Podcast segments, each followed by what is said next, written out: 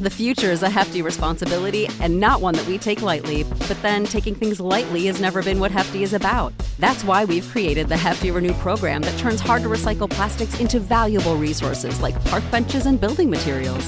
To participate, simply fill up an orange Hefty Renew bag with accepted items, tie it up, and drop it in with your regular recycling. That's it, it's that easy. It's time to rethink recycling with Renew. Particular valued resources may vary by geography. More info available at heftyrenew.com. Save big on your Memorial Day barbecue, all in the Kroger app. Get half gallons of delicious Kroger milk for 129 each, then get flavorful Tyson natural boneless chicken breasts for 249 a pound, all with your card and a digital coupon. Shop these deals at your local Kroger today or tap the screen now to download the Kroger app to save big today. Kroger, fresh for everyone. Prices and product availability subject to change. Restrictions apply. See site for details.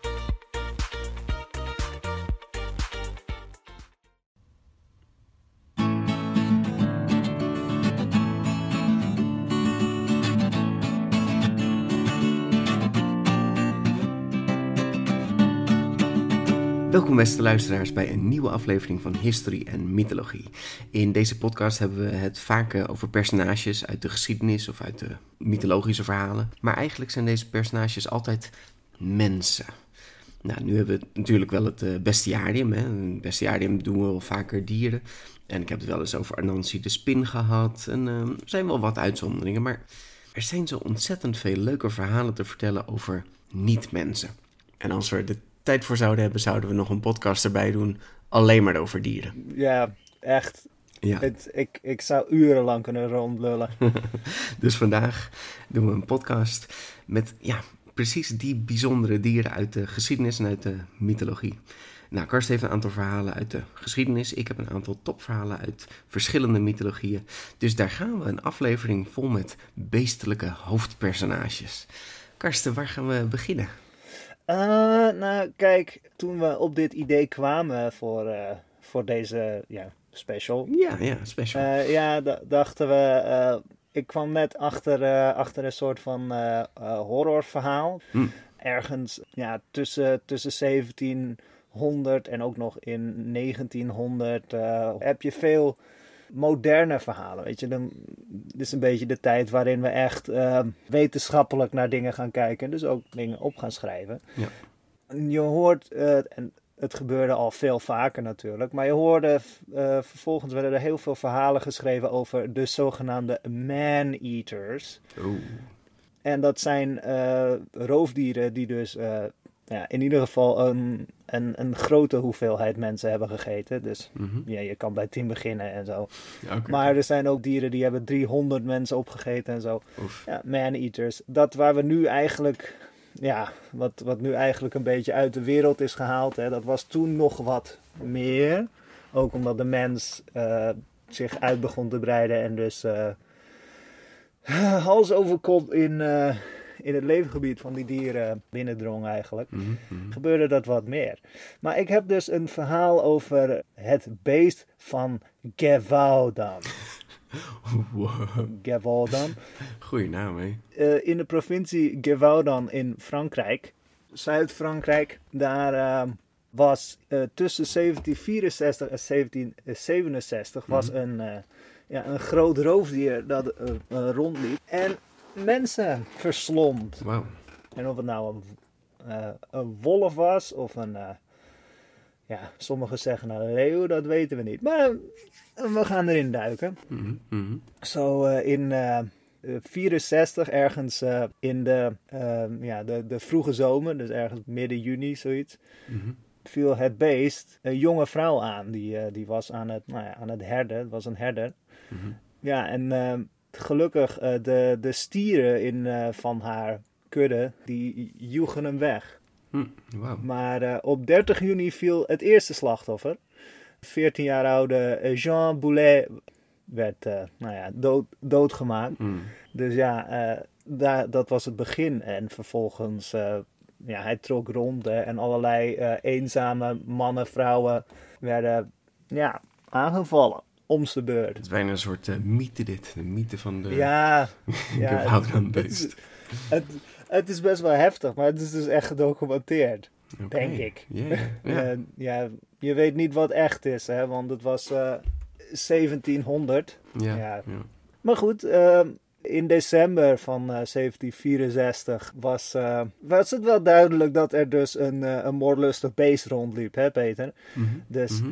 ehm, nou ja, de, eh, de bisschop uit Mende, eh, Gabriel Florent de Chaussul-Beaupré, Mhm. o- ook wel de, eh, de, de graaf van Gevaudan, die riep om te bidden. eh, Oké, ja, nou ja. ja, die, die stuurde de mensen op af. Oké, oké. Ja. Ja, vervolgens kreeg iedereen de schuld hè, in de naam van God en zo. Ja, natuurlijk. Ja, het Ja. zal natuurlijk een duivel Ja, zijn die ja, rondgaat. het- en, eh, Ja, demonen. en het komen doordat mensen aan het zondigen zijn of zo. Ja. Ja, maar hij zei wel, eh, ja, de Franse staat zou helpen eh, om het beest op te sporen en eh, te doden. Hmm. Oké, oké. Nou, kapitein Duhamel van de Clermont Prince Garde of Dragoons, Dragonder. Dat is een, een Franse, Franse militaire eenheid toen. Ja, een eh, eenheid te paard is het. Een dragonder. En die werden naar Gevaudan gestuurd om het beest op te jagen. Mhm. En eh, ze, ze waren echt heel, heel gedreven. Ze deden echt hun best. Maar eh, de, de herders en de boeren die hielpen niet echt mee. Want. Ja, die zijn druk bezig. ja, dat, ja, ze zijn druk bezig. Maar ook, ja, weet je, de bemoeizuchtigheid en zo. Oké. Ja, het eh, was dus ook zo dat hij meerdere keren ja, bijna het dier raakte. Maar ja, toch lukte het niet.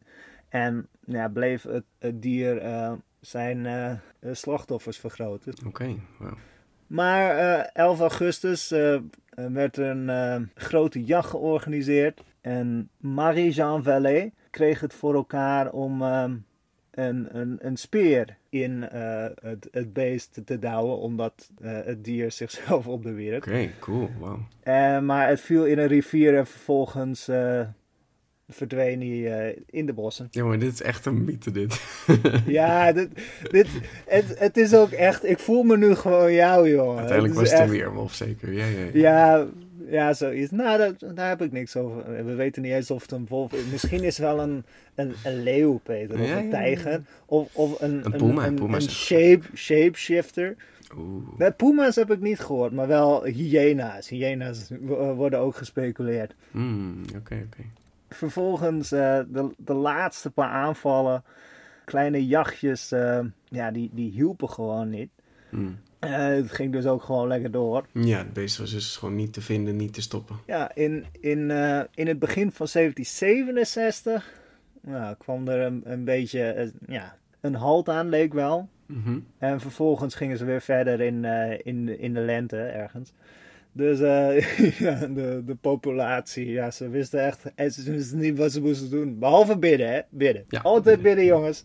Dat helpt altijd. Maar eh, dan was het een beer. Dan had hij gewoon een winterslaap gedaan. Of, eh, ja, dat wordt ook gezegd.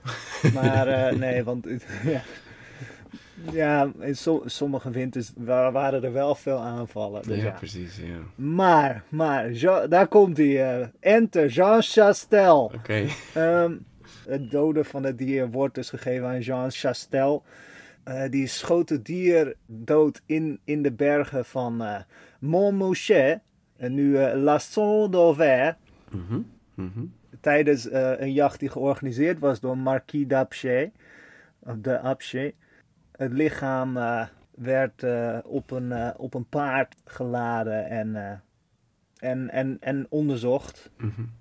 Ja, dus dat was het einde van eh, het beest. Het beest van Gevaudan. En eh, we weten dus nog steeds niet gewoon wat voor dier het was. Eh, kijk, er, er is onderzoek naar gedaan. Ook Mhm. door eh, mensen uit die tijd. Mhm.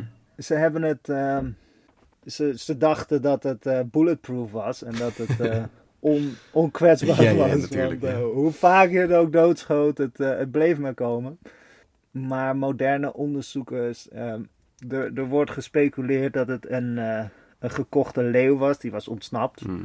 uit een, eh, uit een hok. Ja. Of eh, dat het een wolf was. Maar het is wel een, ja, een flinke grote wolf. Ja, maar dat zou ook ze zijn, ja. ja, ze, ze twijfelen dus ook of het één wolf was. Of dat het een, roedel was. Mhm, mhm. En, nou, dan wordt gezegd dat het een gestreepte hyena was. Ja.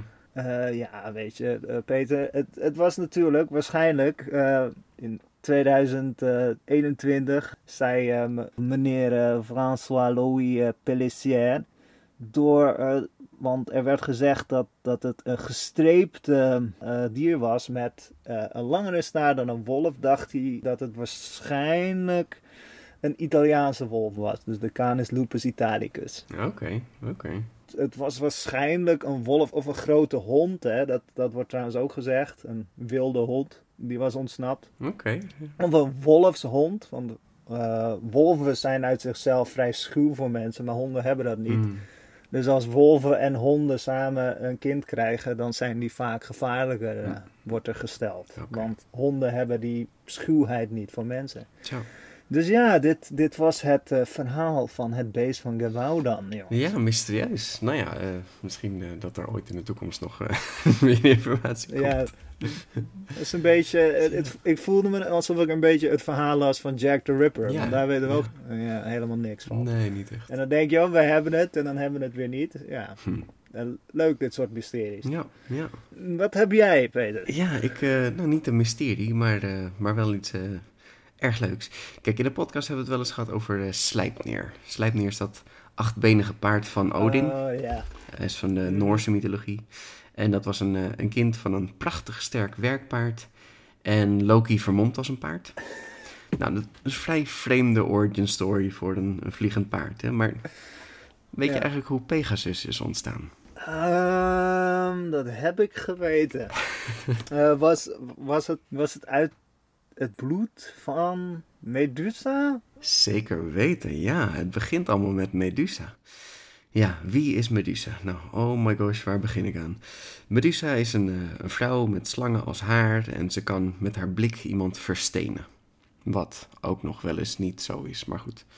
Ze heeft een steenachtige blik, staat er in sommige vertalingen. Dus het verstenen, dat is misschien iets wat later is gekomen, maar goed. Ehm, in ieder geval, een vrij bekende versie van Ovidius is eh, wanneer Medusa, die wordt dus verkracht door Poseidon in de tempel van Athene. Hm. Nou, dat kan natuurlijk niet, hè. Athene is, is eh, godin van de oorlog en ook van de vrede. Ze is eh, godin van de wijsheid en beschaving, politiek. Maar ze staat ook bekend als Athena Parthenos. En dat betekent Athena de maagd. En maagdelijkheid staat er niet per se voor eh, seks hebben gehad, maar je bent een ongetrouwde persoon. Of een, of een persoon zonder kinderen.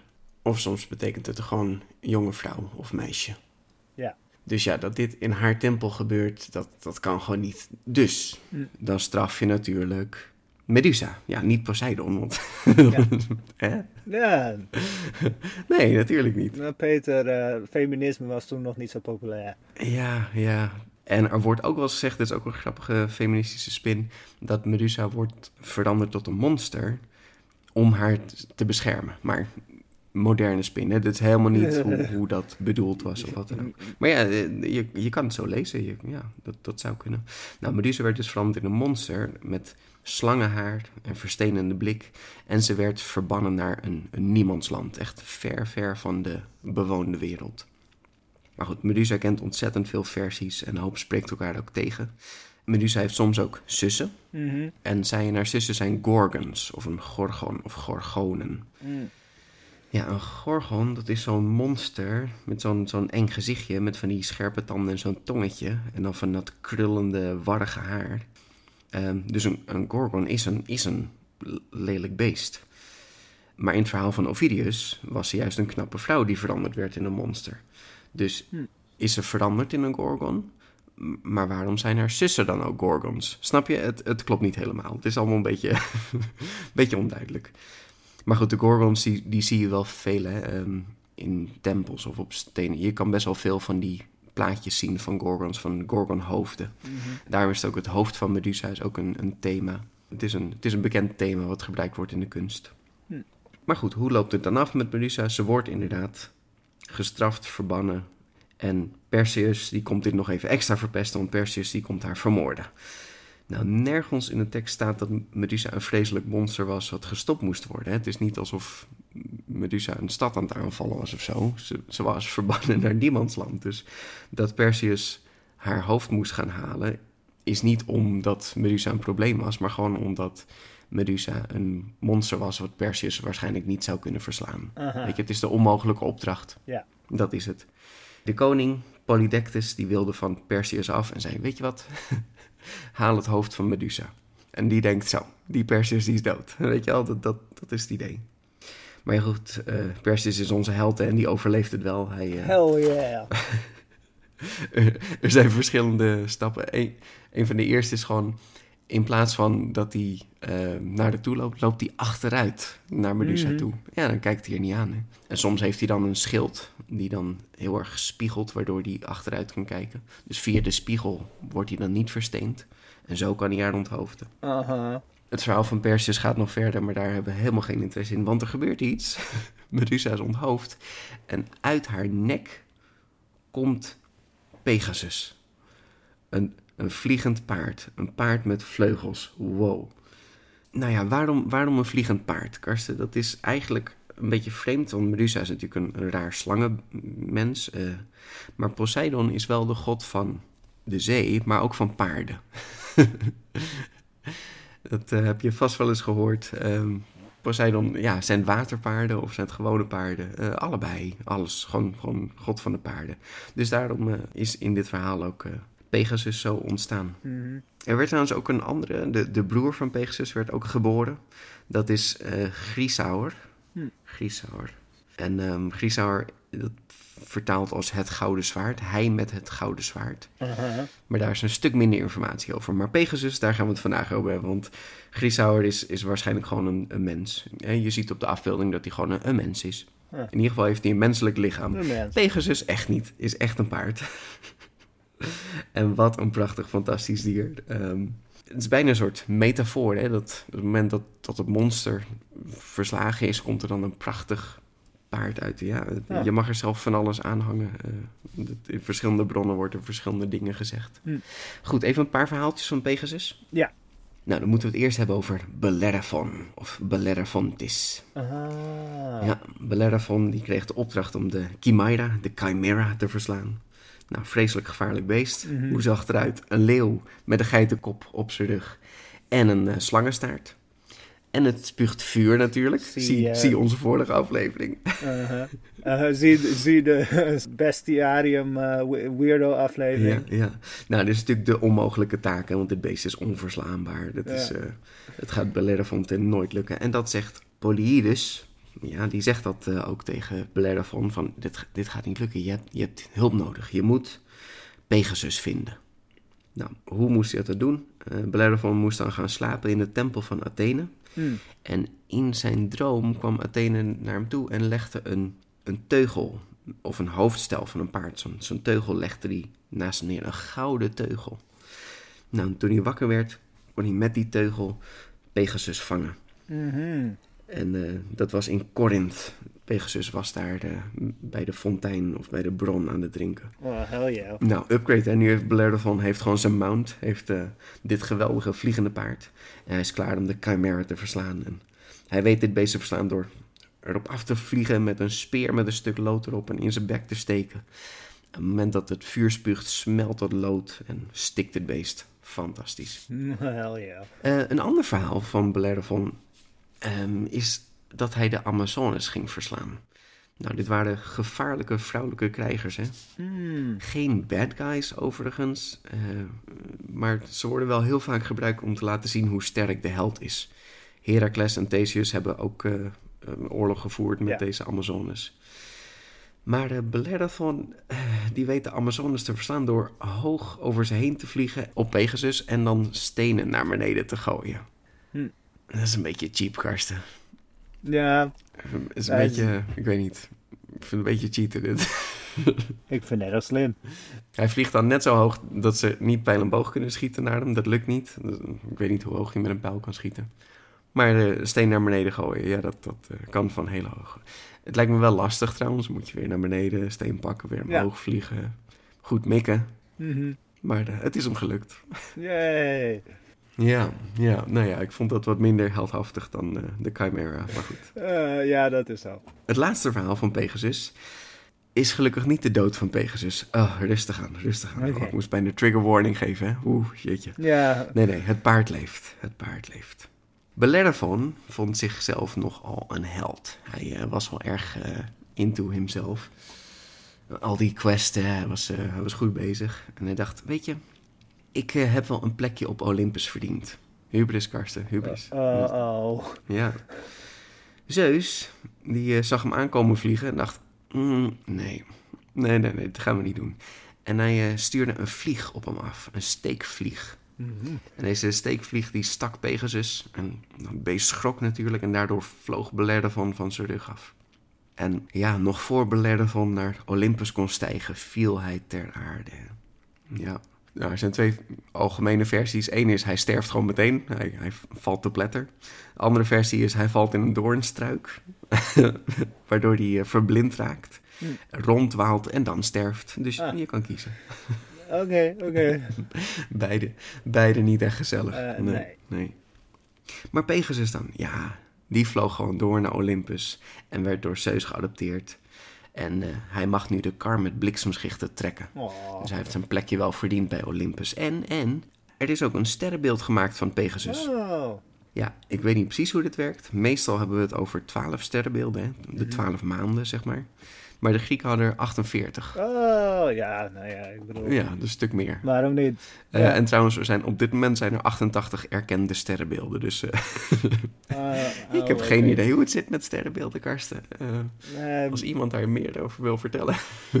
ja, ja, graag. Wij weten het niet. ja, ja. Ja, dus dat is het verhaal van Pegasus. Ja, ja. Mhm. Een, eh, een geweldig vliegend paard. Eh, er is ook maar één Pegasus. Hè. Het, is niet een, het is niet een soort. Het is echt gewoon, dit is Pegasus. En die is geboren vanuit Medusa. Ja. Goed, dan gaan we weer de, de geschiedenis in. Ja. Waar gaan we naartoe? We gaan eigenlijk een beetje eh, heel Europa door, maar we beginnen in Duitsland, Peter. Hmm, leuk. Je hebt verschillende eh, verhalen, bijvoorbeeld ook de Chimera, waar je het net over had, Mhm. de Chimera. Ja. Over, over dieren die een beetje ja, aan elkaar vast worden gelijmd Ja. en een beetje door elkaar heen worden gegooid. Eh, maar ik ga het hebben over de Rattenkönig. Wow, Oftewel, de Rattenkoning. rattenkoning. De Roy de Rat, of de Rat King. Ja, Eh, in, in Duitsland eh, werd het al in ja, 1564 eh, ja, be- beschreven. ehm, vooral vanuit zwarte ratten. Een rattenkoning is een soort van natuurlijk verschijnsel dat ratten. Eh, een groepje ratten wordt bij de staarten, raken ze verstrengeld en komen Oh, dus niet meer van elkaar af. En gaan dus dood.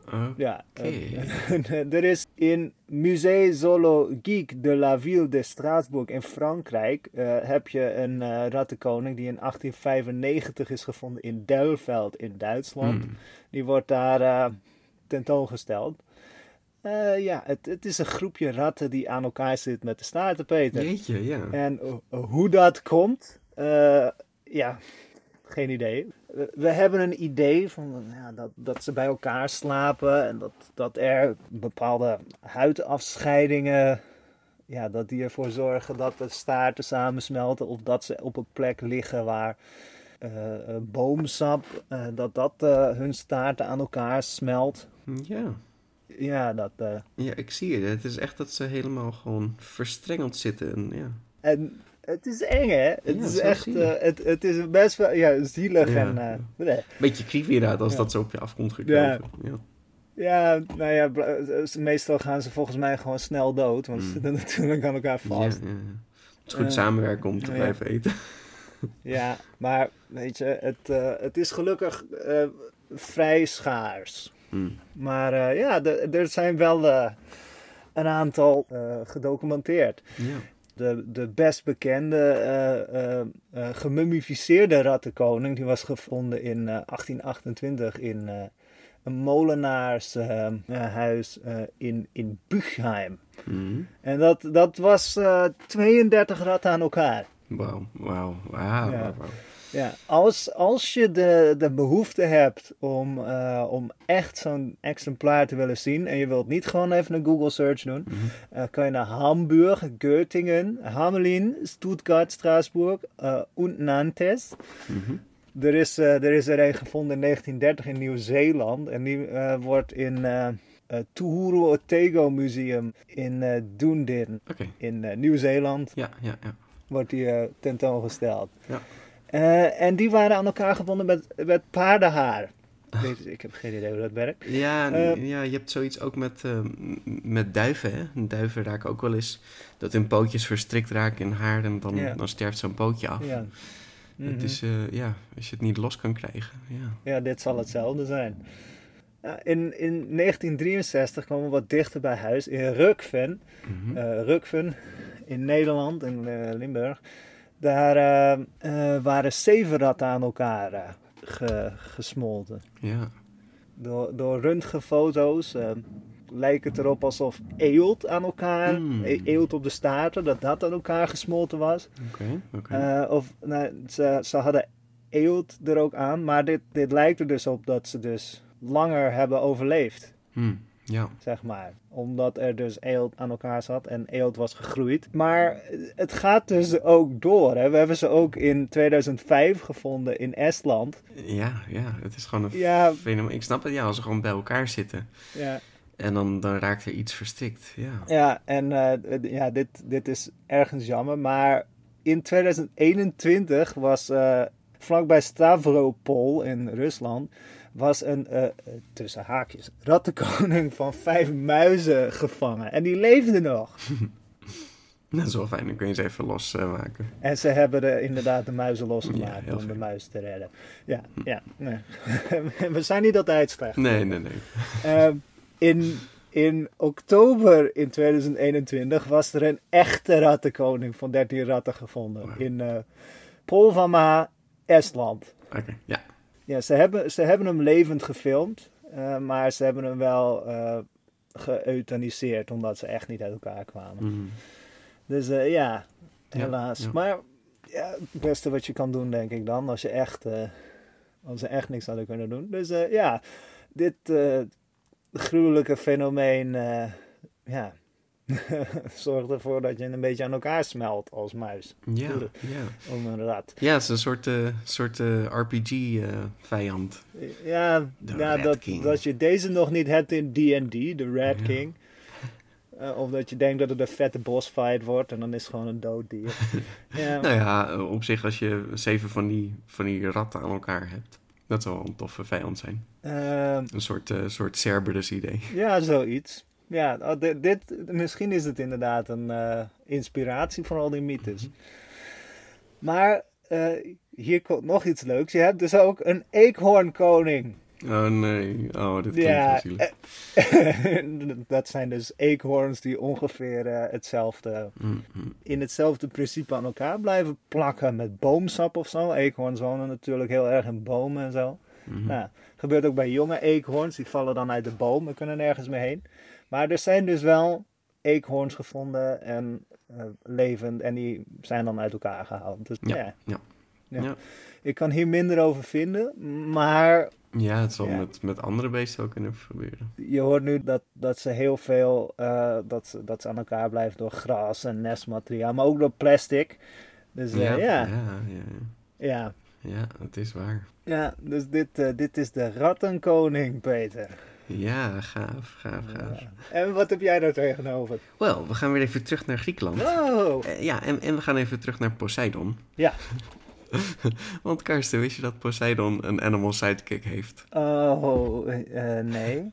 ja, dit eh, verhaal komt van Eratosthenes. Ja. Poseidon die was helemaal verliefd op Amphitrite. Oh. En dat is een nimf of een zeegodin. Mhm. Dochter van Nereus, dat is de grijsaard van de zee. En Doris, dat is een oceanide. Nou ja, het zijn allemaal van die... Van die eh, er zijn best wel veel zeegoden of oceaniden. Dat is wel... het, is, het is veel, het is veel. Amphitrite, die eh, zag dit niet zo zitten. Die, die, die Poseidon die was helemaal verliefd op haar en wilde, ja, met haar trouwen haar verkrachten, et cetera. Eh. Had ze niet zo'n zin in. Ze gingen vandoor, ze vluchtten naar Atlas of het Atlasgebergte. Dat Oh. weet ik niet zo goed, een van die twee. Mhm. Eh, het is soms ook hetzelfde.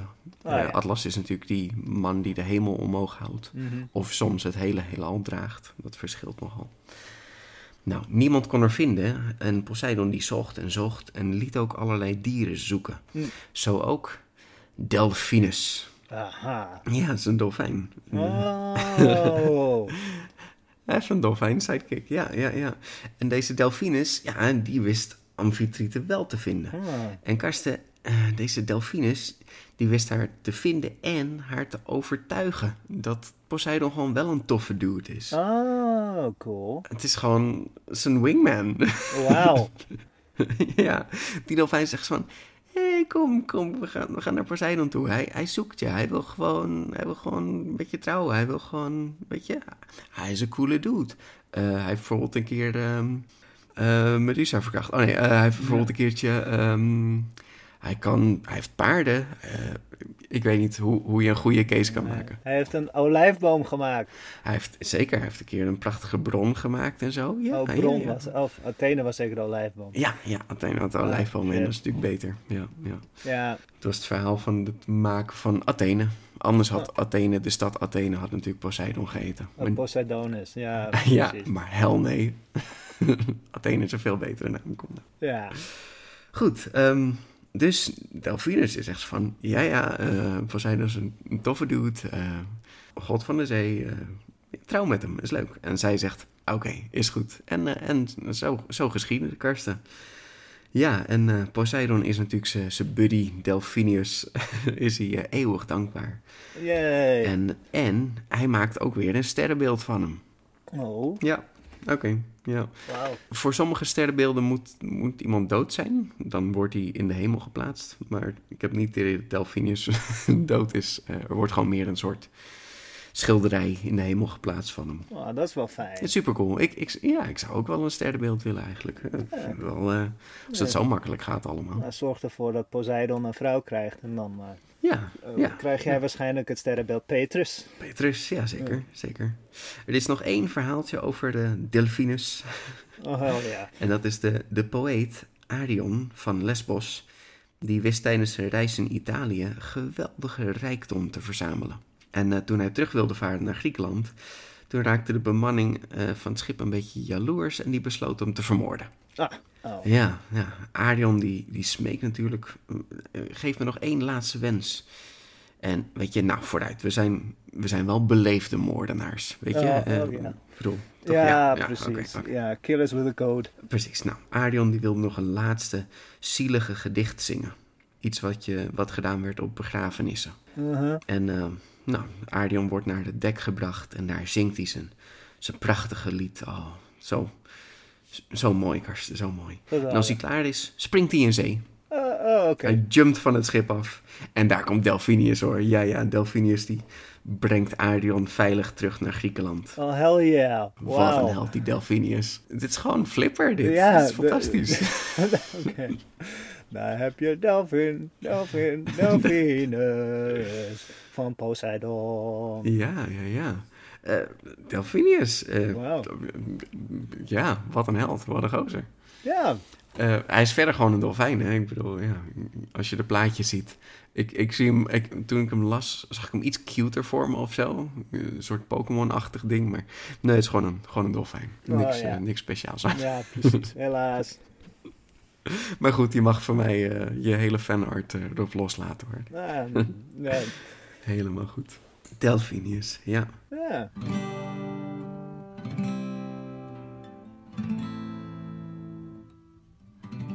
Goed, dan gaan we weer de geschiedenis in. Waar gaan we nu naartoe? Ja, eh, Peter, ehm, ik denk dat eh, een groot deel van onze fanbase ook wel eh, een beetje van fictie houdt. Weet je, of wat D&D of Mhm, fantasy verhalen. En daarin heb je vaak een beetje de barbaren. En die hebben, ja, dat zijn van die grote stoere, stoere dudes. Ja, Verbonden met het wild. Rijden een veldslag in op een, op een moordlustige beer. Ja, dat soort dingen, ja. Ja, ik was altijd sceptisch. Van nou, weet je.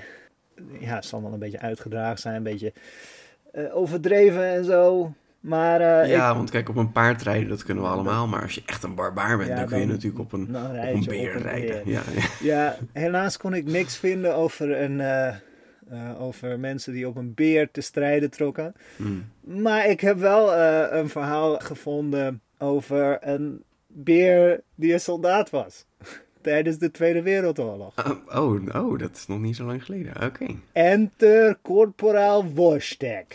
de beer heet Wostek. Uh, ja, de beer heet Wostek. Oh, okay. uh, Wostek was een, wordt ook wel Vostek. Ja. Het is een Poolse maar het is een Syrische bruine beer. Ursus arctos syriacus. Nice, wow. En die werd als jong beertje, werd die verkocht uh, in Hamadan, Iran, door uh, het Poolse Tweede Korps. Mm, okay. En uh, ja, die werden geëvacueerd door de Sovjet-Unie. Um, ze hebben er dus voor gezorgd, dat ze wilden hem graag bij hen houden. Dus ze hebben hem uiteindelijk tot soldaat gemaakt. Ja, dit is zijn, zijn verhaal. Wauw. Oké, had, hij een, had hij een helmpje op? nee, dat niet. Maar hij, hij had wel een rang. Nice, ja.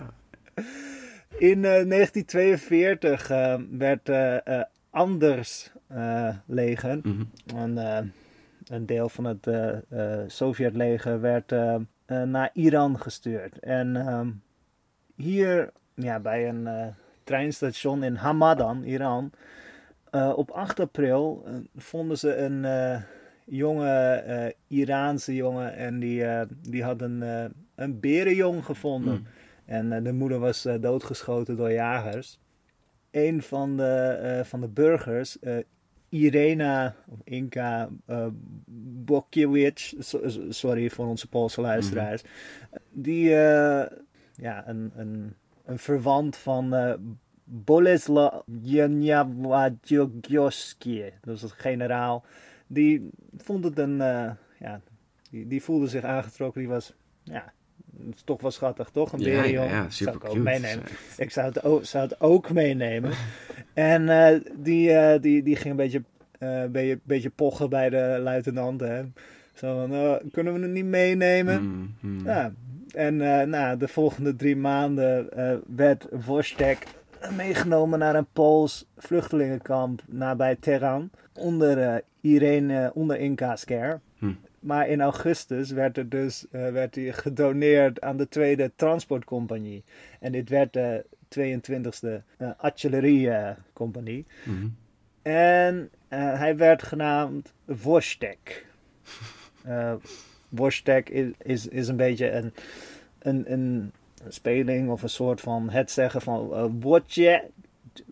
W-O-J-C-I-E-C-H. Mm -hmm. Wat ook wel betekent vrolijke krijger. Ja, een Poolse naam. Okay. Uh, ja, de vrolijke krijger. Uh, Worstek werd uh, best wel... hij had moeite met, met slikken. Dus hij kreeg gecondenseerde melk uit een... Uit, natuurlijk uit een, uit een vodkafles. Ja, ja, ja. ja, ja. maar hij kreeg ook marmelade, honing, siroop, fruit. Mm -hmm. En als hij het goed deed, kreeg hij bier. Dit, hij, hij raakte bierverslaafd, Peter. Mm. Het, het is niet te geloven. Laat het aan de Polen over om een beer een alcoholist te maken. Oké, maar goed. Hij, uh, hij, hij, werd dus ook, uh, hij werd ook rookverslaafd en hij at zijn sigaretten op. Hij dronk koffie. Mm, nice. Uh, ja, en hij sliep gewoon um, met de soldaten als ze het koud hadden. Sliep hij in de tent. Uh, hij worstelde met de soldaten en hij, hij groette je als, uh, als een commandant uh, langskwam. Mm -hmm. Mm -hmm. Dus ja, hij werd een soort van mascotte, hè, van oh, daar is. Yeah. Hij ging naar Irak met de 22e mee. En uiteindelijk, de, de Polen die sloten zich aan bij het Britse leger. En toen het, het jong groeide op tot nou ja, een grotere beer. En hij deed mee tijdens de slag uh, van Monte Cassino. Niet, niet actief, maar hij was, ze waren daar.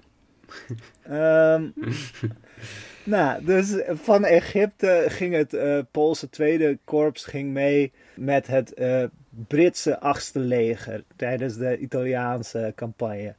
Het was dus, uh, uh, doctrine was dus dat dieren verboden waren op een transportschip. Dus, oh.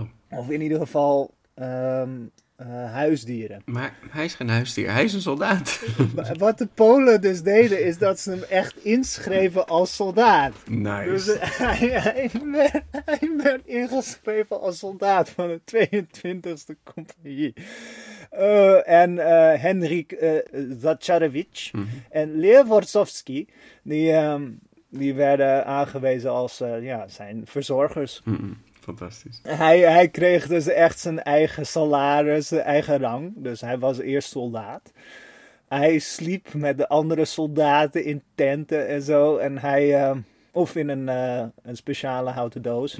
Heel netjes. Maar hij ging dus ook echt mee uh, naar de slag van Monte Cassino. En hier hielp hij dus zijn eenheid om 45 kilo wegende kratten met granaten te, te tillen. Hier heb je normaal iets van vier mensen voor nodig, maar hij deed het in zijn eentje. Ja, precies. Wauw. Yes. De, de, de, want het is een beer. Ja. De, er wordt getwijfeld of dit verhaal echt is. Okay. Uh, maar uh, er, er wordt wel gezegd dat, dat één Britse soldaat die heeft gezegd van nou ik heb wel een beer een krat met uh, munitie zien dragen. Dus wie weet was er echt een beer die ja, die, die munitie droeg. Ja. Ja, de, de beer deed gewoon de soldaten na, weet je. Hij zag de soldaten, zag hij kratten tillen. Nou, dat deed hij ook. En vervolgens kreeg hij natuurlijk alcohol en ja. en eten en zo, ja, dat zou ik ook doen. Ja, fantastisch. Maar hierdoor dus kwam er een, uh, een, een plaatje met een beer die een, een artillerie of een granaat draagt. Mm. er werd een soort van patch. Tof, ja. ja. ja.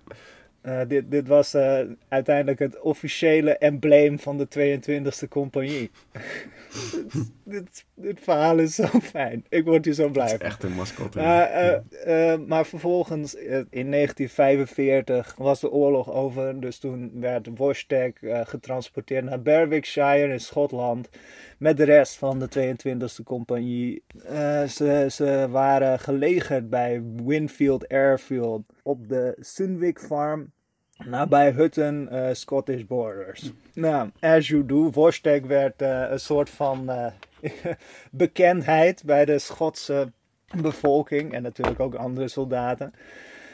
ja, hij werd ook een, ja, een soort van erelid van de Polish Scottish Association. Maar ja, helaas, alle mooie verhalen komen tot eind. Maar in 15 november 1947 werd Worstek uh, gedoneerd aan de Edinburgh Zoo. Hm. Uh, in Edinburgh dus. Ja, ja. En ja, hier uh, leefde niet de rest van zijn leven uit. Oké, okay, ja. Hopelijk op een beter dieet. Ja, nou, hij werd nog steeds bezocht door zijn Poolse ja, strijdmakkers eigenlijk. ja. En die gooiden hem nog steeds sigaretten toe. En die klommen ook gewoon zijn, uh, zijn verblijf in om met hem te knuffelen en zo. En hij herkende ze ook nog. Hij reageerde ook nog op Pools. Dus uh, ja, hij, hij, herkende ze ook, hè. Ja. Hij, uh, hij was ook een, een gast op het televisieprogramma Blue Peter. Oh, oké. Okay. Ja, dat is een kinderprogramma, verder weet ik er niks van. Nee, nee. Maar helaas stierf hij in 1963 op 21-jarige leeftijd nou, hij woog 500 kilo en was uh, 1,8 meter uh, groot. Ja. Dus ja, ja, dit was het leven van Worstek, wow. de beersoldaat. Zo heen. Dit is, dit is een echt verhaal, Peter. Ik weet dat het uh, nogal. Nou, die, ja, voor mij was gewoon een dolfijntje. Ja. Dat was geloofwaardiger dan dit. Een, een koffiedrinkende nee, beer. een koffiedrinkende alcoholische beer. Hoe verzin je het? Maar echt, echt, ze hebben hem leren vodka drinken ja. en bier drinken. Ja. Het, ja, het, ik weet het niet. Ik, ik denk altijd, ja, de geschiedenis is logisch. Maar elke keer als ik dit programma doe, ja, dan, dan? dan kom ik erachter dat het gewoon niet zo is. Ja. Het, het slaat nergens op. Ja, wow. ja, nee, ik word er blij van. Nou, ja. Ja. Uh, nu, nu ga jij iets bizar mythologisch vertellen waarvan ik denk, ja, dit is echt mythologisch. Nee, het valt allemaal best mee. Ik heb hele normale dingen. Oh ja. Oh ja, nee, alsjeblieft. Maak het normaal, vertel. We gaan gewoon naar Engeland. We gaan gewoon naar Engeland. Ja. Eh, koning Arthur. Oh. Ja, ja, ja. Nou, het is. Ja, we gaan, we gaan het over de allerbeste ridder van de ronde tafel hebben. En dat is natuurlijk Oh, yeah. Sir Yvain en zijn leeuw. Ah. Ja, Oh, oh, oh, oh. Yvan ou le Chevalier au Lion. Mhm. Het werd eh, geschreven in oud-Frans, dus ik begin nu te twijfelen van, moet ik, moet ik niet al die namen in het Frans zeggen? Maar goed. ehm, Ja, eigenlijk wel. Succes. ja, ja, ja. Maar een ridder met een leeuw als sidekick, hell yeah. Oh. Ja, het, eh. Het verhaal van Ivan, van Yvain, is lekker simpel. Hij is een ridder en hij verslaat wat evil ridders en hij wint de hand van dame Lodin. Oh. Nou, hij trouwt met haar, eind goed, al goed. Yay. Ja, ja, maar dan begint het toch een beetje te kriebelen. En eh Gawain, die eh, begint hem ook een beetje zo te overtuigen van... Volgens mij moet je, moet je weer op avontuur. Je moet bewijzen dat je huwelijk je niet zwak heeft gemaakt. Is Oké. een beetje... Old fashioned. Beetje, nou, zo. Nou, en Lodien, die zegt, als het belangrijk voor je is, dan is dat goed. Maar kom na een jaar terug. Ik geef je één jaar en kom dan terug. Oké, dat zit redelijk. Nou, en dat eh, doet Yvain natuurlijk niet, hè? Ja, Oh. ja, hij raakt helemaal weer in de ban van ridder zijn. En hij vergeet zijn vrouw. En ja, als het jaar voorbij is, verbittert Lodien. En ja, ze wil hem niet meer terug. Nee, nee. Hij heeft zijn belofte niet nagekomen. En ja, als Yvain dan eindelijk doorheeft wat hij gedaan heeft, dan is het te laat. Ja, hij, eh, hij weet niet meer wat hij moet. Hij, hij raakt helemaal in depressie en hij... hij en vol schuld dwaalt hij rond en ja, weet niet meer wat hij, wat hij moet met zijn leven. Eh, ergens stond dat hij, eh, dat hij naakt onder een boom ligt. Gewoon, gewoon helemaal, eh, helemaal de- depressed. En er is dan een nobelvrouw, die ziet hem en die geeft hem een drankje, een, een potion. En Yvain schiet weer uit zijn depressie, is weer helemaal oké. Nou, hij besluit dat hij zichzelf moet bewijzen, hij moet zichzelf verbeteren. Mhm. Hij zal zich bewijzen en, en zo de hand van zijn vrouw terugwinnen. Yay. Nou, en zo uh, quest los, hè, Karsten? Nou, we, we komen bij een quest om een draak te verslaan. En als hij bij die draak komt, dan ziet hij dat die draak in gevecht is met een leeuw. Aha. En die draak wil uithalen, een, een, een, wil een doodklap geven aan die leeuw. Maar Yvain springt ertussen en hij redt die leeuw en hij begint met die draak te vechten. Maar die draak die mapt hem omver. En die draak wil Yvain een doodklap geven. Maar dan springt die leeuw ervoor. Oh, en zo yeah. teamen ze op. Yeah! En, en ze verslaan deze draak. Ja, dikke maatjes worden. En zo heeft hij eindelijk een leeuw als sidekick. Wauw. Oh, hell yeah. Het is deels een beetje een metafoor. Hè? Een, een leeuw is natuurlijk ja, een nobel dier, een machtig dier. Ja, precies. Eh, wel, een, wel een woest dier, hè? zo wordt hij wel gezien. Maar doordat hij nu zo samenwerkt, de, de woeste kant van het ridder zijn, maar ook het ridder zijn. En het nobele van de leeuw, nou, dat, is natuurlijk hoe Yvain is. Dus je kan het een beetje zien als een metafoor, maar tegelijkertijd, die leeuw doet ook dingen. Die leeuw is gewoon echt een leeuw. Ja, ja, ja. En samen met die leeuw verslaat Yvain een, een machtige reus, drie krachtige ridders en eh, twee demonen. Oké, er bestaan demonen in deze wereld. Oh, Oké. En man, man, man, wat een quest, Karsten. En zo laat hij zien dat hij een nobele ridder is en weet hij de hand van zijn vrouw Lodin weer terug te winnen. Oh, hell yeah. En ze trouwen weer en die leeuw, die mag ook gewoon mee. Zag ik zo'n plaatje dan zie je zo Lodin en Yvain op, eh, op een troon zitten met de leeuw ernaast. Echt vet schattig. Ah, super cool. Ja, ja. Ja, ik, ik was even bang van, ja, hoe, hoe moet dat dan straks? Maar nee, nee, de leeuw wordt gewoon geaccepteerd en eh, het is helemaal, eh, helemaal goed. Oh, Yvan Ja. en Le Lion. Ja, ja. wauw. Eind goed, al goed. ja, tof hè? Dit is een van de oudere verhaaltjes van de... En we hadden het over Gwen. Gwen was een vrij nieuwe eh, Arthur-verhaal. Maar dit is een vrij oude. Yvain en de Leeuw is een hele oude legende. Mhm. Goed, Karsten. Waar gaan we nu weer naartoe? Nou, Peter, eh, het, is, eh, het is wel grappig. maar wij gaan nu naar, naar Afrika. Hmm, nice. En ik wil het graag hebben over Elsa. En dan ja, denk, denken de mensen die, die zijn. Aan Frozen, inderdaad. Ja, aan Frozen. Ja, klopt. Maar we zijn in Afrika. Eh, ik, eh, ik wil eh, eerst even, even enteren. enter George Adamson en zijn vrouw Joy Adamson. Oké. Het waren wildlife ja, beschermers, onderzoekers, beschermers, die ehm, hebben een kleine leeuw, die ze later Elsa noemden, hebben ze geadopteerd. Elsa, de leeuw, die, eh, ik vind het grappig. Peter en ik hebben dit niet gepland. Nee, zo. nee, Het is nee, gewoon ja. puur toeval dat dit achter elkaar komt. Elsa had twee zussen en eh, zij verloren hun, eh, hun moeder omdat George Adamson haar doodschoot. Hmm. Want hij, de moeder van Elsa viel George Adamson aan en dus schoot hij haar dood. Ja, oké. oké. Helaas. Eh, met de twee zussen, die, die, eh, die werden weggescheept naar Blijdorp. Maar eh, George eh, besloot om Elsa te houden en te trainen om te kunnen functioneren in het wild. Oh, nice. Ja, ging er dus opvoeden om, om in het wild te kunnen leven. Dus toen hebben ze, hebben George en Joy, de leeuwin van vier dagen oud, hebben ze geadopteerd en probeerden ze te trainen door middel van, nou ja, verschillende technieken. hè. Ze moesten eh, levende dieren doodbijten, ze moest achter, eh, eh, achter vlees aanrennen. Ja, op die manier. Ze probeerden het dier dus echt wild op te voeden, zeg maar. Nou, Dat hij zichzelf zou kunnen redden. Ja, Joy was hier echt heel, heel gedreven in. Hè? Die wilde echt eh, Elsa leren om te kunnen jagen en overleven in het wild. Mhm. En het, het leek wel goed te gaan. dus ja, hierdoor werd Elsa ook best wel beroemd. Eh, in het boek Born Free werd dus ook het verhaal van Elsa en George en Joy eh, beschreven Mhm. van hoe dat is gedaan. Ze werd dus ook vrijgelaten, maar toen Elsa drie was, bracht ze drie jong, jongen van zichzelf, nam ze mee naar de, de Adamsons om te laten zien. Eén eh, heette Jaspa, eentje heette Gopa en eh, ja, kleine Elsa. Ja. As you do. Ze is gewoon in het wild geboren. Mooi zeg. Ja, maar eh, het, het, ja, het, het was toch wel een beetje lastig, want ja, de bevolking werd een beetje geteisterd door de leeuwen. Want Jasper was een leeuw die dus niet bang was voor mensen Mhm.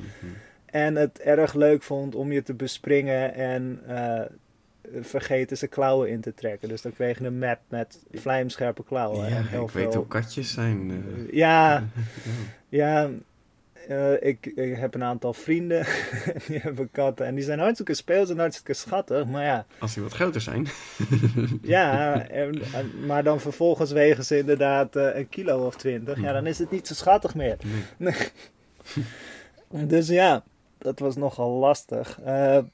Elsa ging helaas dood ehm, door eh babesiosis. Dat is een, eh, eh, een, een ziekte die wordt overgedragen door teken. Hmm. Lijkt een beetje op malaria, maar het springt vaak over op de kattenfamilie. Ja, oké.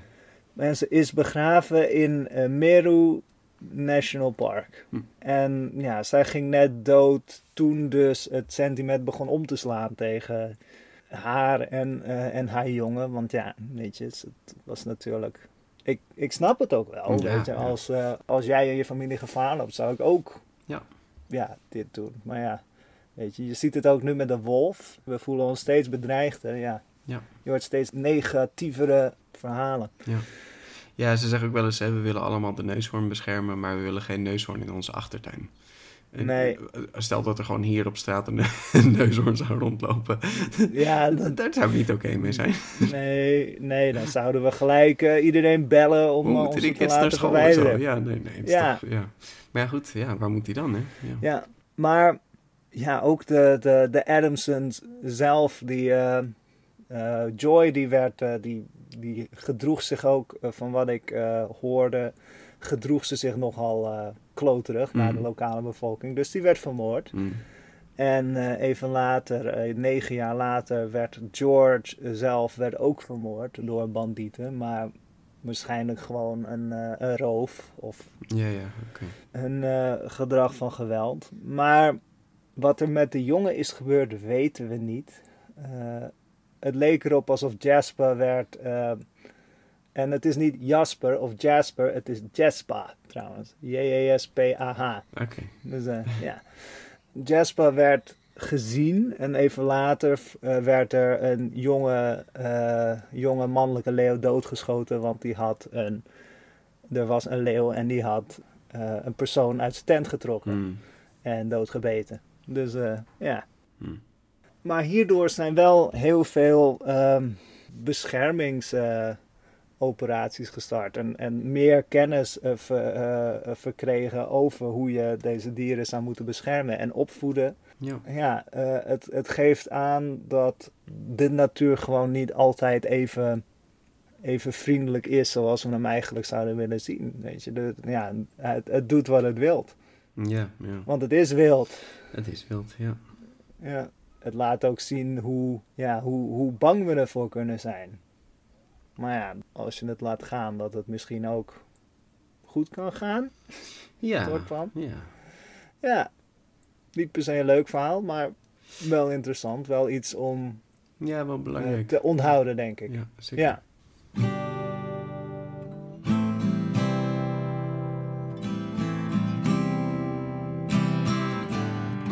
Ja, ik, ehm, ik wil naar, eh, naar Denemarken toe. Oh, Ja, dit verhaal kent eh, vele versies. Maar oh my gosh, Karsten, wat een heerlijk verhaal. Daar gaan we. Er zijn twee koningen. Die eh, hebben oorlog, hè. mhm. Oorlog. Het is de koning van Denemarken en de koning van Zweden. In welke tijd zich dit afspeelt? Nee, nee, nee. Het is, het is een mythe, weet je wel. gewoon. het is gewoon de koning van Zweden, koning van Denemarken. Mhm. Maar onze held, koning Halga, de koning van Denemarken, die deed er alles aan om de overwinning te behalen. Hij moedigde zijn troepen aan, hij bedacht geweldige tactieken, maar eh, het is helaas een tragisch verhaal. Ze werden verslagen, koning Halga werd vermoord. En eh, koning Edgils van Zweden kreeg dus de macht over Denemarken. Oh, Nou, hoe ging dit? Weet je, hoe, hoe ga je zo'n koninkrijk besturen? Hij eh, zou iemand aanwijzen en dat wordt dan de nieuwe koning. En die gaat dan het besturen. Mhm. Ja, en, en als extreme belediging koos hij een klein schoothondje. Als nieuwe koning van Denemarken. oh. Ja. Eh, dit, dit wordt dus blijkbaar wel eens gedaan. Hè? Dat je dus een gebied overneemt en dat je dan daar een, iemand aanwijst die dan gaat regeren. Maar inderdaad, nu als belediging een klein schoothondje. Hier, dat is jullie leider. En eh, je moet er naar hem luisteren. Damn. En dit hondje was dus ja, de nieuwe koning en ze moesten naar hem luisteren. En als, als iemand koning Edgils zou vertellen dat koning hondje dood was, dan zou deze persoon meteen opgehangen worden. Hè? Niemand mocht dit hondje zomaar eh, kwaad doen. Uh-huh. Dus ja, eh, ja daar, daar zit je dan met eh, koning hondje. Maar de Karsten koning hondje deed het best wel goed. Oh, Het volk vond koning hondje best wel een, een goede leider. En eh, ze werkte maar al te graag voor hun geweldige koning. Want ja, was zo'n lekker blij diertje. Had, eh, had goed karakter. Was altijd, eh, ja. En, en had best wel lef, hè, die koninghondje. Mhm. Ja, misschien iets te veel lef. uh-oh. Ja, en zo kwam de dag dat er een, groep wilde wolven het kasteel aanvielen. En koning hondje sprong meteen in actie, hè. Hij Oh, ging de wolven te lijf. Ja, ja, ja. Maar ja, hoe groot zijn strijdlust ook is en hoe groot zijn moed ook was, zo klein was dit schoothondje. Oh. Dit, dit hebben schoothondjes, hè. die hebben geen idee hoe groot ze zijn, maar ze hebben altijd een heel grote bek. Mhm. Blaffen dat ze doen, maar... eh, Ja, en koning hondje werd er verslonden door de wolven. Oh, nog shit. voordat iemand hem kon helpen. Oh nee. Ja, nu was het probleem, want ja, eh, de koning van Zweden moest natuurlijk verteld worden eh, van ja, eh, de koning is dood. eh. en als je dat dan zou vertellen, dan zou je worden opgehangen. Uh-oh. Dus eh Sneer werd aangewezen. Hmm. Sneer. En Sneer, dat is, van wat ik begrijp, gewoon sneeuw in het, Ah. in het Deens. Ja, zijn naam betekent sneeuw. Hij heet gewoon Sneer. Nou, Sneer die gaat naar de koning van Zweden om te vertellen. Maar hij bedenkt een raadseltje, waardoor hij het niet letterlijk aan de koning vertelt, maar de koning het zelf raadt. Aha, aha. Mhm. Ja, het raadseltje is heel absurd. Daar zal waarschijnlijk allerlei vertaal-issues zijn. Maar inderdaad, het is een raadseltje en, en de koning zegt dan uiteindelijk... Dus koning hondje is dood. Oh shit. Mm. Maar goed, in plaats van zichzelf op te hangen... ik dacht even dat het daarin ging... wijst hij Sneer aan als nieuwe koning voor zijn slimheid. Mm. Dus eh, we hebben nu koning Sneeuw. Ja, en dat klinkt best goed, Sneer, maar Sneer was een vreselijke koning. Slechter dan koning Hondje Karsten. Ah. Hij was egoïstisch en ook achterdochtig. Hij dacht dat iedereen maar de, zijn, zijn plek wilde overnemen. En als zijn dienaar Roth, wat, wat gewoon rood betekent, Rot, Mhm. die, die komt naar hem toe en die zegt dat het volk niet echt blij is met hem. En dan eh, stuurt de Sneer, die stuurt die dienaar op een onmogelijke quest. En Oh, denkt, ja. ah, heb je een grote bek, ga maar, eh, ga maar die reus vermoorden daar. Ja? Mhm. Ga, ga dat maar doen. Ja. dat is jouw quest. Oh nee, nee, hij, hij moet eigenlijk... Hij moet niet die reus vermoorden trouwens. Hij moet hem gewoon een vraag stellen, dat is alles. Oh, weet Oh, je ja. wat? Ga maar aan die reus daar een vraag stellen. en eh Rot zegt gewoon, ja hoor, is goed, zal ik doen. Oké. Maar goed, hij moet natuurlijk wel. Hè. Hij moet vragen hoe eh Sneer zal sterven. Oh, deze reus die kon eh, de toekomst zien. Nou, en die reus die eh, moet een beetje grinniken als hij de vragen hoort. En dan eh, geeft hij, geeft die rot geeft hij een, een paar handschoenen. Hier, geef die maar aan Sneer. Ja, doe maar. Nou ja, Rot die komt terug en zegt... Ja, sorry, ik, ik heb niet echt een antwoord van hem gekregen... maar ik heb wel deze handschoenen gekregen. Ja. Nou, Snare wordt natuurlijk woedend. Want ja, ik, ik wilde... Oh, maar die handschoenen, die ga ik toch even, aan, even, even aanproberen. en die beginnen te jeuken. En dan wordt Snare opgegeten door luizen, Karsten. Dat is Oh. zijn dood. Hij wordt gewoon volledig opgegeten door luizen. Ik weet niet hoe je sterft aan luizen. Maar blijkbaar kun je sterven aan luizen. Eh, Oké. Wow. Damn. Jekkes, ja. Ja. Ja, en zo Karsten. Koning Hondje werd doodgebeten doordat hij te dapper was. Ja. En koning Sneer, die werd ja, doodgebeten door luizen, Aha. omdat hij te laf was. Oh, jeukt het hier een beetje, Peter? Ja, ik krijg ook een beetje jeuken. Ja. Ach, koning. Hondje, wat, wat een verhaal. Wat een verhaal. Wel een tragisch einde voor koning Hondje, maar hij heeft zich wel bewezen. Hij was een goede koning. Ja. Goed, hebben we dan nog een, een laatste verhaal, Karsten? Ja, ik heb een beetje een, eh, een, een laatste eindstuk. We hebben het gehad over, over allerlei slimme dieren, over bijzondere dieren. Ik wil het nog hebben, even hebben over, over heel veel bijzondere dieren. Maar ik wil het hebben over eigenlijk eh, ja, onze, onze familie, Peter. Oh, ja. Ja, want die zijn ook wel eh, heel bijzonder. Eh, de mensapen. Ja, oh, En ja, dat, ja. dat zijn na ons misschien wel de, de slimste organismen op deze planeet. Er zijn vrij heel weinig eh, dieren die hun intelligentie eh, kunnen evenaren. De, de, ja, de, de enige die er in de buurt komen zijn inderdaad dolfijnen, misschien Hmm. raven en eh raafachtige. Varkens. Varkens zijn wel slim. Vark, varkens, ja, maar varkens zijn niet zo slim als, als nee, oké, Ze zijn wel.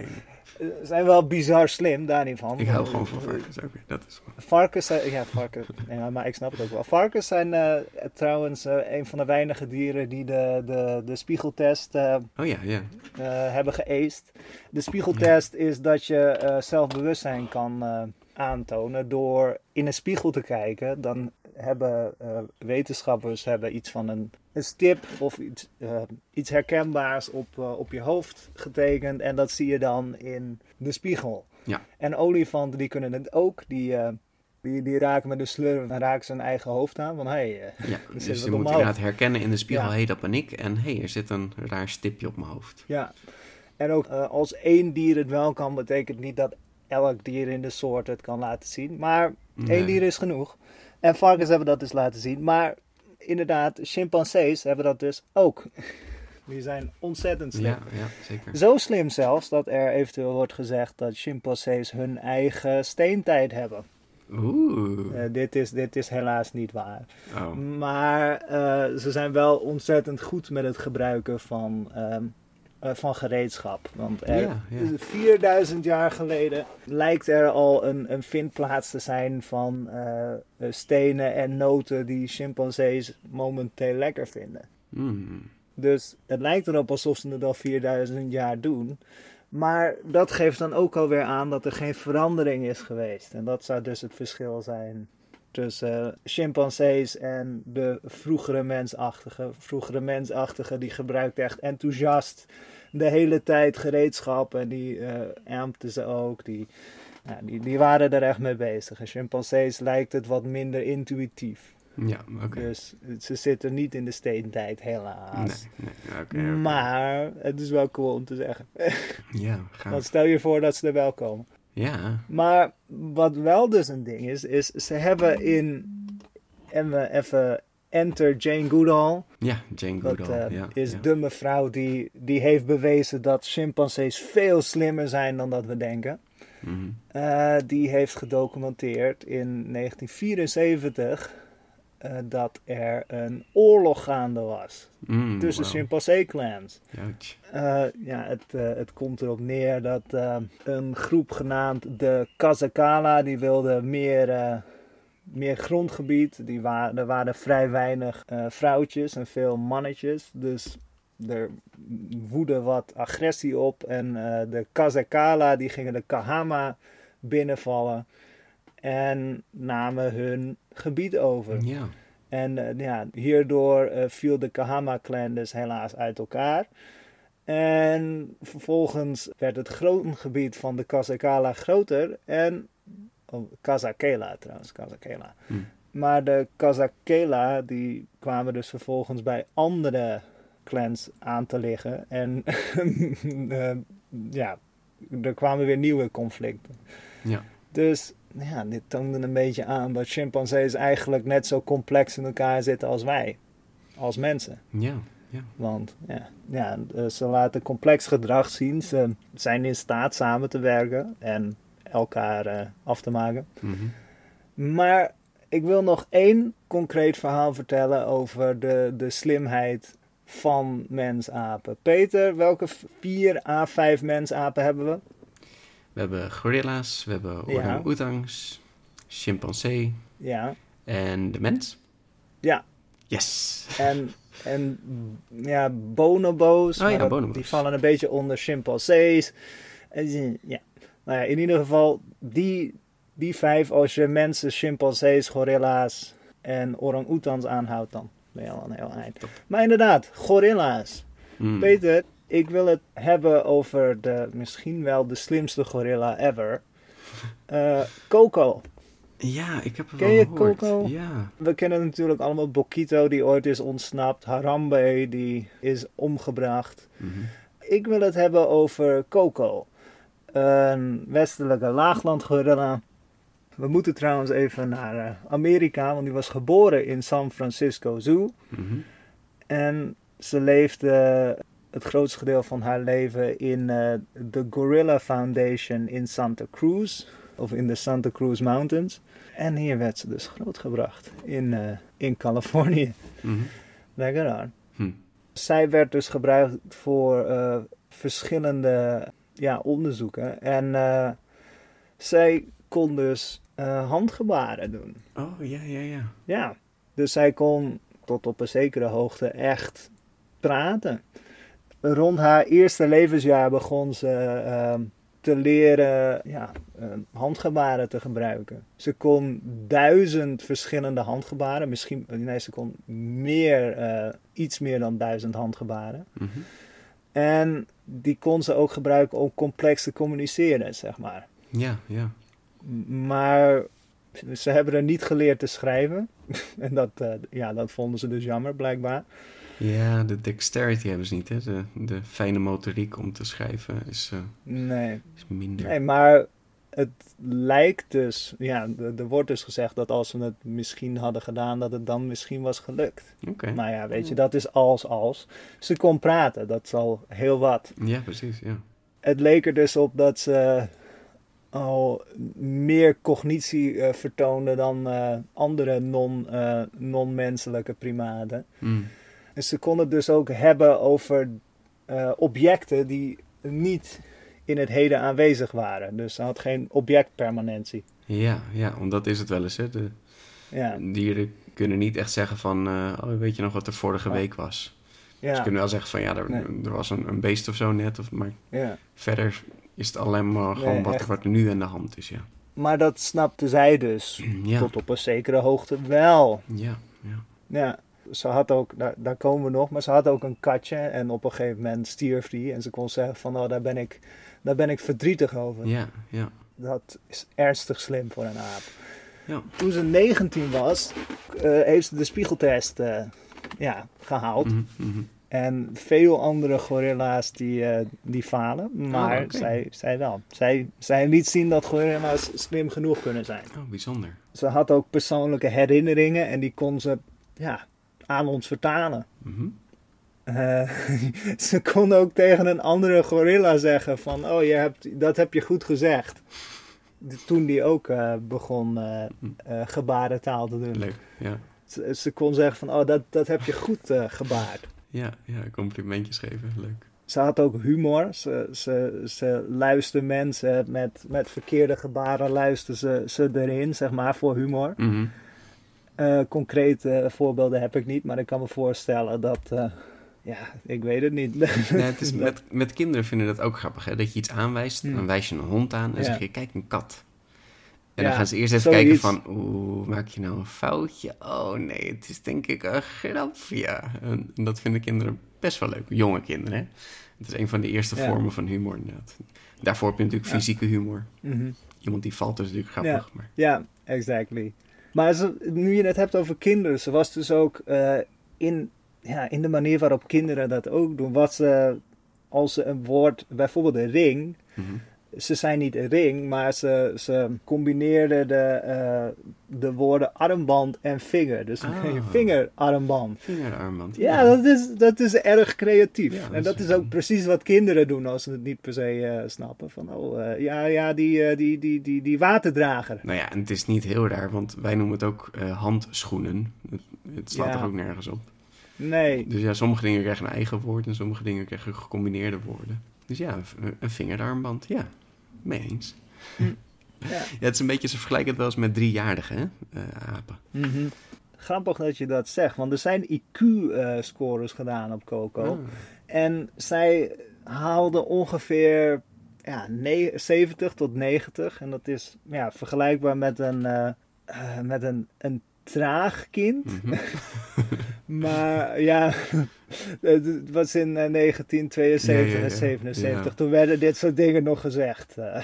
Ja, maar niet vers- eh, verstandelijk gehandicapt. nee. Dus ze was best wel, ze had menselijke, menselijke intelligentie waarschijnlijk. Maar ja, er was wel kritiek op, hè, want eh, het was natuurlijk mensen en gorilla's hebben een andere manier van opgroeien. Ja, ja. Eh, ook verschillende ehm, eh, opdrachten waren motorisch en gorilla's hebben een hele andere opgroeimotoriek. Mhm. Dus ja, er, er was wel kritiek naar, maar het was onbetwistbaar dat ze ontzettend slim was. Ja, nee, het is, het is natuurlijk niet helemaal ethisch en zo'n dier hoort natuurlijk gewoon Nee.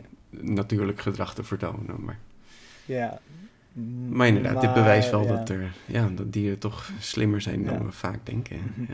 Mhm. Wat ik hoop is dat, dat het de andere gorilla's helpt. Van, het zijn niet alleen woeste, wilde ja, wezens die, eh, ja, die opruimbaar zijn, maar het zijn daadwerkelijk functionerende, misschien zelfs sapien, je, sapiende wezens. Ze zijn gewoon ontzettend slim. ja.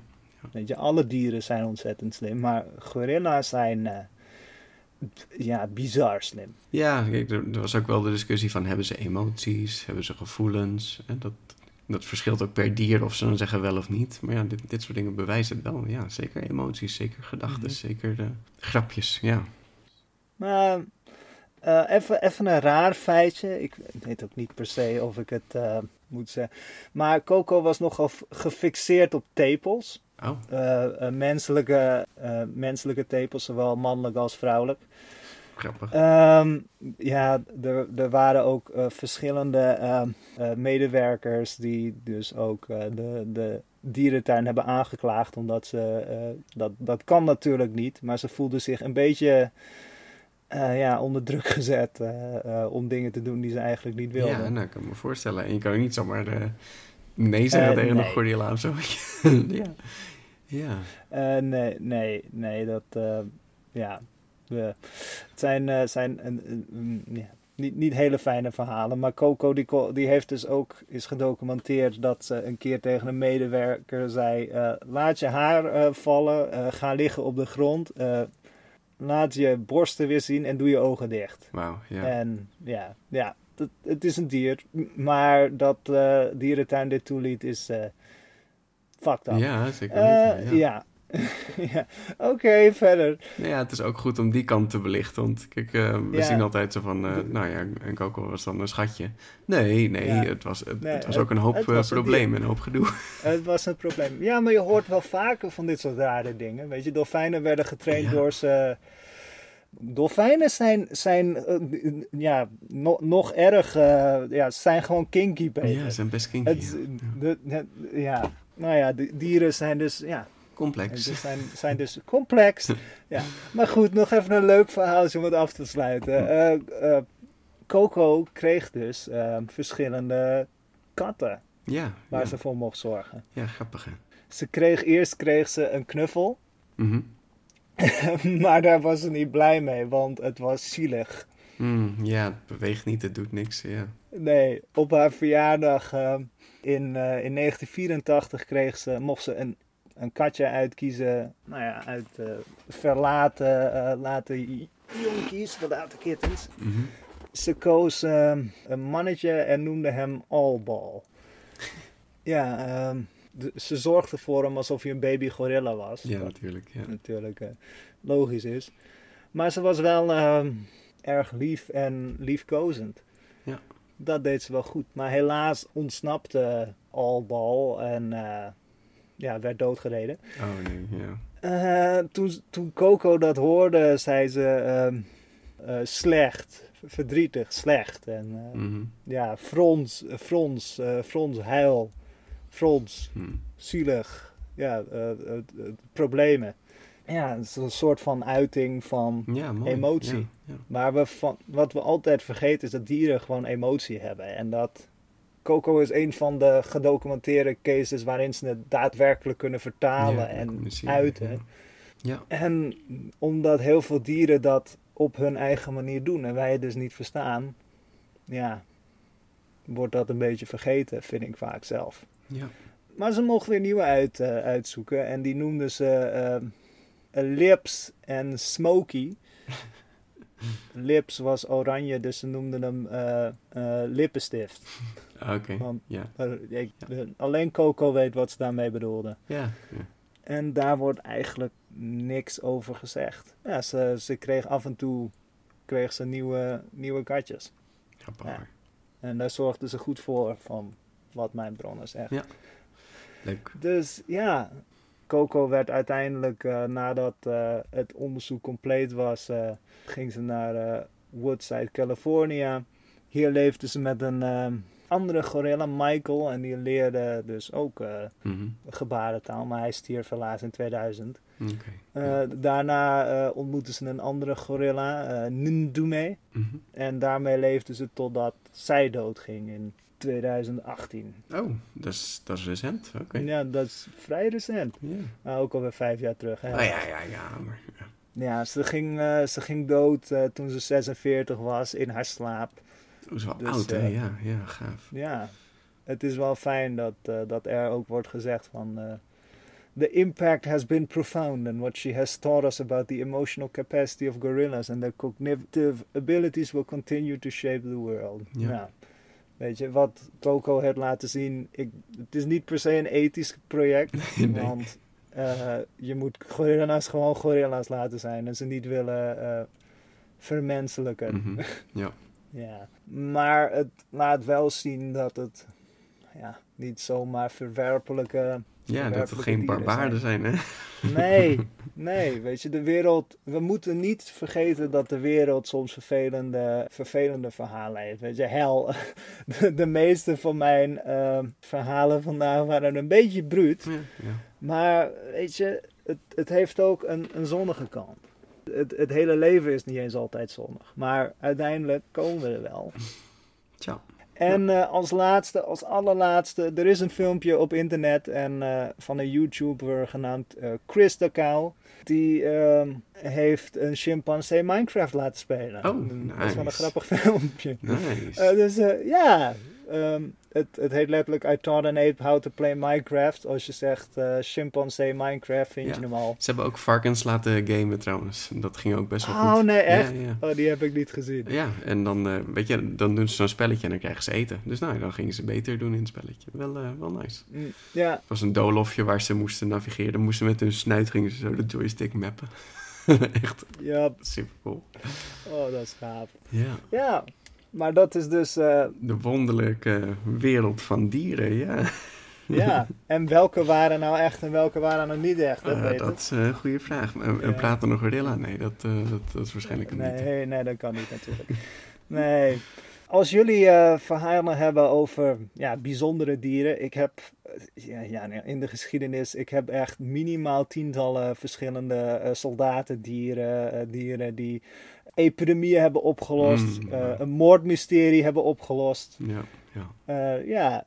het is, eh, er, er is veel te vinden. er is Dus genoeg. als je, Ja. als je iets wilt vertellen, zeg het ons. Stuur me door. En Misschien, ja, ja, we nodigen maar uit. goed, we misschien, moeten deze ja. aflevering nu maar een keertje Ja. afsluiten. Want ik geloof Anders dat we nu al een, het een record... een, een hebben. lange aflevering. Ja, Karsten, bedankt voor deze verhalen. Ja. En, eh, Peter, dankjewel weer. hey, eh, volgende aflevering wordt onze awardshow. Ja, ja, Oh, ja. hell yeah. We zijn al bijna bij de honderdste aflevering, Karsten. Gefeliciteerd. Ja, Ja, oh, ja, jij ook, Peter. Gefeliciteerd. Dan- Op welke aflevering zitten we nu? Dit is de 98ste. 98. Oh, oh. Wow, wow, wow. Ja, oké. Dank jullie wel, luisteraars. bedankt en voor het eh, luisteren. tot de awardshow. Tot de volgende keer. Later.